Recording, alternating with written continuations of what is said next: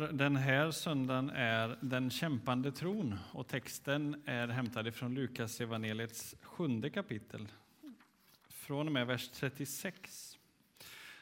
Är det någon som har numret i psalmboken? 1176. 1176. Där finner du texten.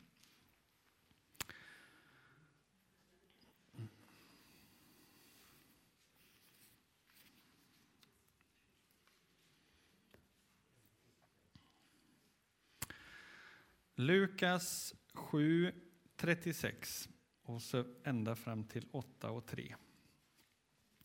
En av fariseerna bjöd hem Jesus på en måltid och han gick dit och tog plats vid bordet. Nu fanns det en kvinna i staden som var en synderska. När hon fick veta att han låg till bords i fariséns hus kom hon dit med en flaska balsam, ställde sig bakom honom vid hans fötter och grät. Hon vette hans fötter med sina tårar och torkade dem med sitt hår. Hon kysste hans fötter och smorde dem med sin balsam. Farisén som bjudit in honom såg det och sa för sig själv om den mannen vore profet skulle han veta vad det är för sorts kvinna som rör vid honom, en synderska. Då sa Jesus till honom, Simon, jag har någonting att säga dig. Säg det, mästare, sa han. Och Jesus sa, Två män stod i skuld hos en penningutlånare. Den ene var skyldig 500 dinarer och den andra 50. När de inte kunde betala efterskänkte han skulden för de båda. Vilken av dem kommer att älska honom mest? Simon svarade, den som fick mest efterskänkt skulle jag tro. Du har rätt, sa Jesus. Och vänd mot kvinnan, sa han till Simon. Du ser den här kvinnan. Jag kom in i ditt hus, och du gav mig inte vatten till mina fötter. Hon har vett mina fötter med sina tårar och torkat dem med sitt hår. Du gav mig ingen välkomstkyss, men hon har kysst mina fötter hela tiden sedan jag kom hit. Du smorde inte mitt huvud med olja, men hon har smort mina fötter med balsam. Därför säger jag dig, hon har fått förlåtelse för sina många synder, ty hon har visat stor kärlek. Den som får lite förlåtet visar liten kärlek. Och han sa till henne, dina synder är förlåtna. De andra vid bordet sa för sig själva, vem är han som till och med förlåter synder? Men Jesus sa till kvinnan, din tro har hjälpt dig, gå i frid.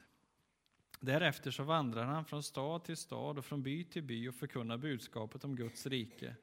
Med honom följde, tolv, följde med de tolv och några kvinnor som hade blivit botade från onda andar och från sjukdomar. Maria från Magdala, som sju demoner hade farit ut ur. Johanna, hustru till Herodes förvaltare Kusas, Susanna och många andra som hjälpte dem med sina tillgångar. Vi ber. Kom helige Ande. Herre, låt ditt ord få väcka vår inre blick. Låt oss få genomlysas av ditt ljus, av din nåd och din barmhärtighet. Att vi alla får ta emot av dig mer av din kärlek. Så att vår passion för dig väcks ännu mer. Tack Herre för att du är här. Tack för att du kommer till oss var och en. Helige Ande, öppna våra hjärtan, värm våra hjärtan. Så att vi med trygg hand kan öppna inifrån och ta emot det som du vill ge idag. Led varje ord och led oss i våra tankar och i våra känslor där vi sitter. I Jesu namn. Amen.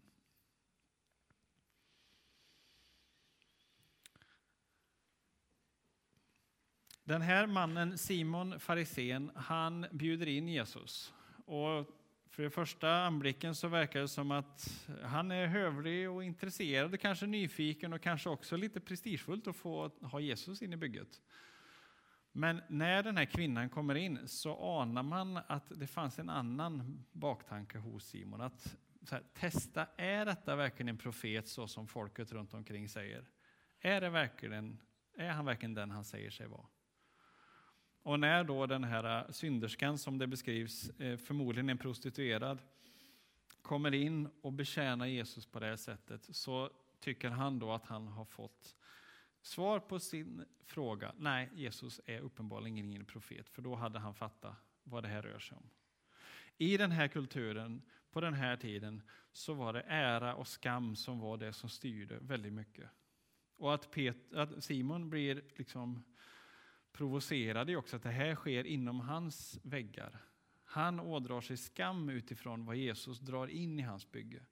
Medan alltså han kanske egentligen såg det som en ära att då till en början ha Jesus. Så på den här tiden så var det väldigt mycket som handlade om att få ära, ofta genom sina slavar eller undersåtar på olika sätt. Och ytterst sett så gick det upp till kejsaren. Och man skulle på allt vis undvika skam. Det var det som gjorde att man sjönk i hierarkin. Jesus går till den här mannen. Han säger ingenting till honom. Han sätter sig ner vid honom. Han möter upp den här mannen. Men det är först när Jesus märker den här mannens reaktion på kvinnan som han liksom ger honom en ingång till omvändelse. Simon, jag har någonting att säga dig. Och så tar han ett, ett uppenbart exempel med den här liknelsen. En har lånat 500 och en har lånat 50. Båda får det efterskänkt. Vem kommer uppskatta och utlåna det mest? Ja, men den som har fått mest. En dinar, ungefär en dagslön, och så kan du räkna i din egen plånbok hur mycket det skulle motsvara hos dig. Så Simon säger, ja men det är väl ganska självklart, den som får mest.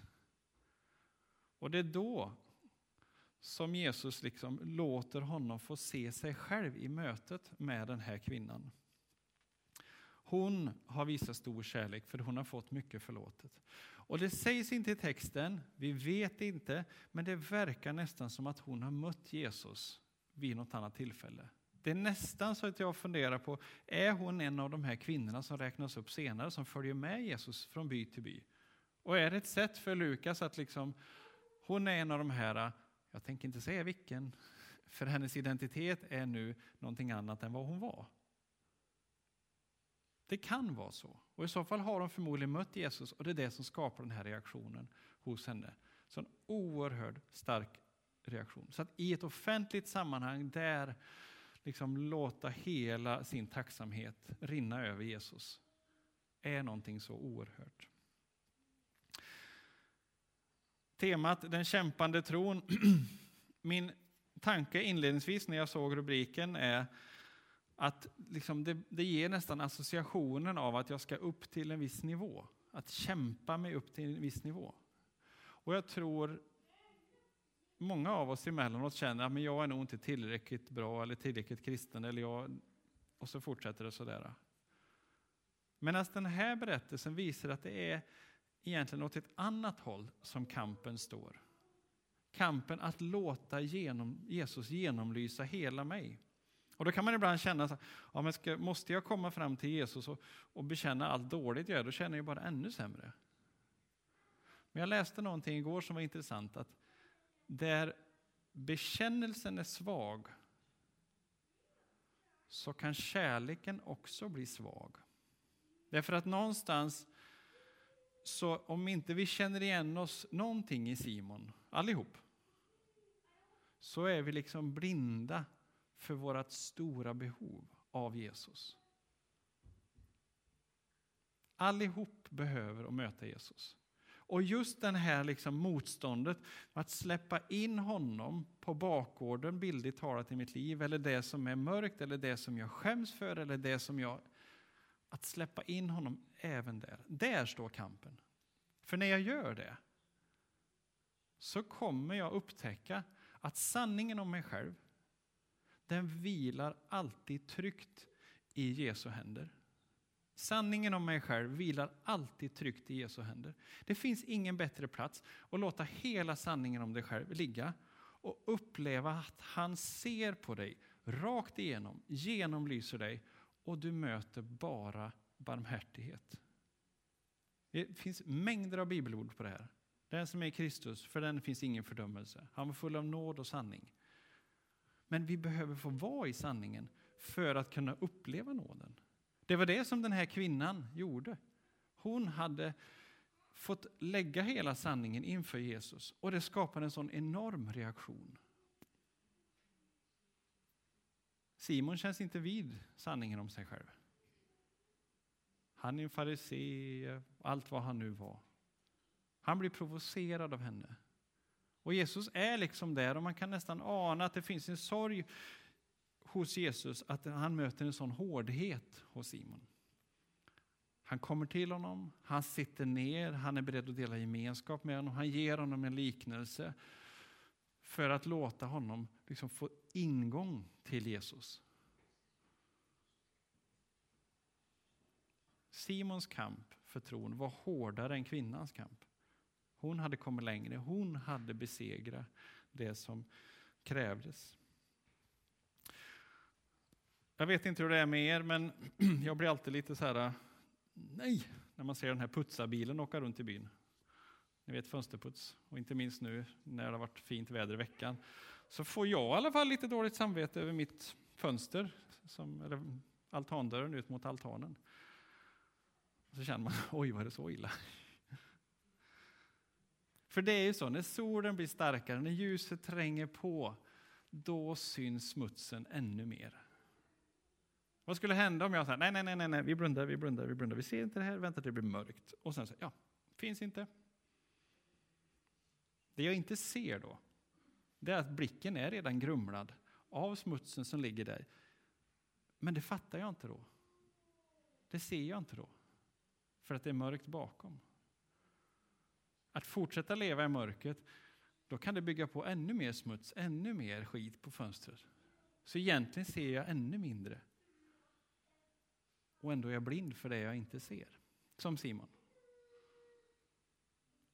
Sen är det ju en ganska barnslig och en ganska liten belöning när man har dragit de här tagen och känner att nu, nu ser jag ju faktiskt, ja det var inte frostat glas, det var faktiskt vanligt. Och så är det med Jesus också.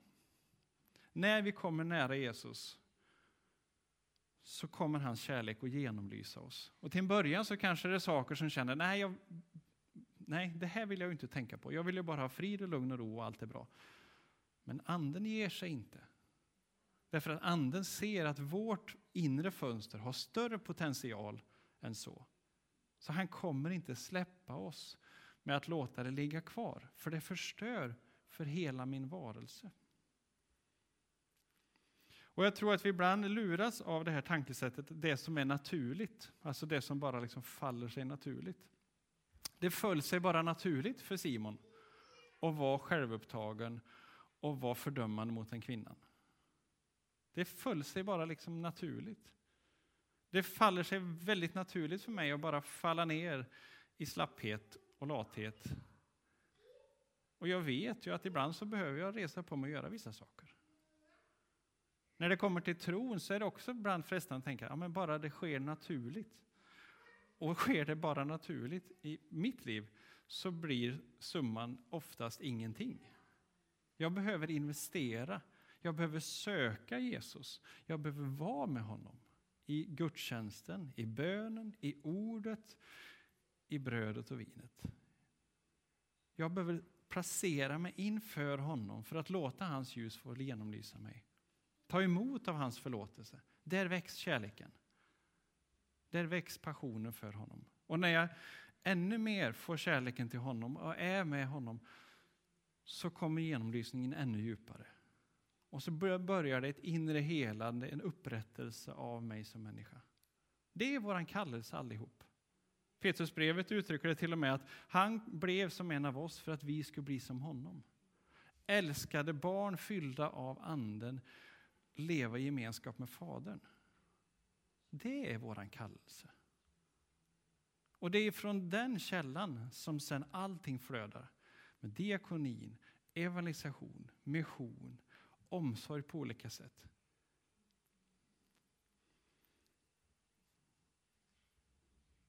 Att bli berörd av Jesus, att låta sanningen om mitt liv få vila tryggt i hans hand, det är startpunkten för allt. Det är det som förändrar världen. Och vi ser exempel på det i det här som pågår nu.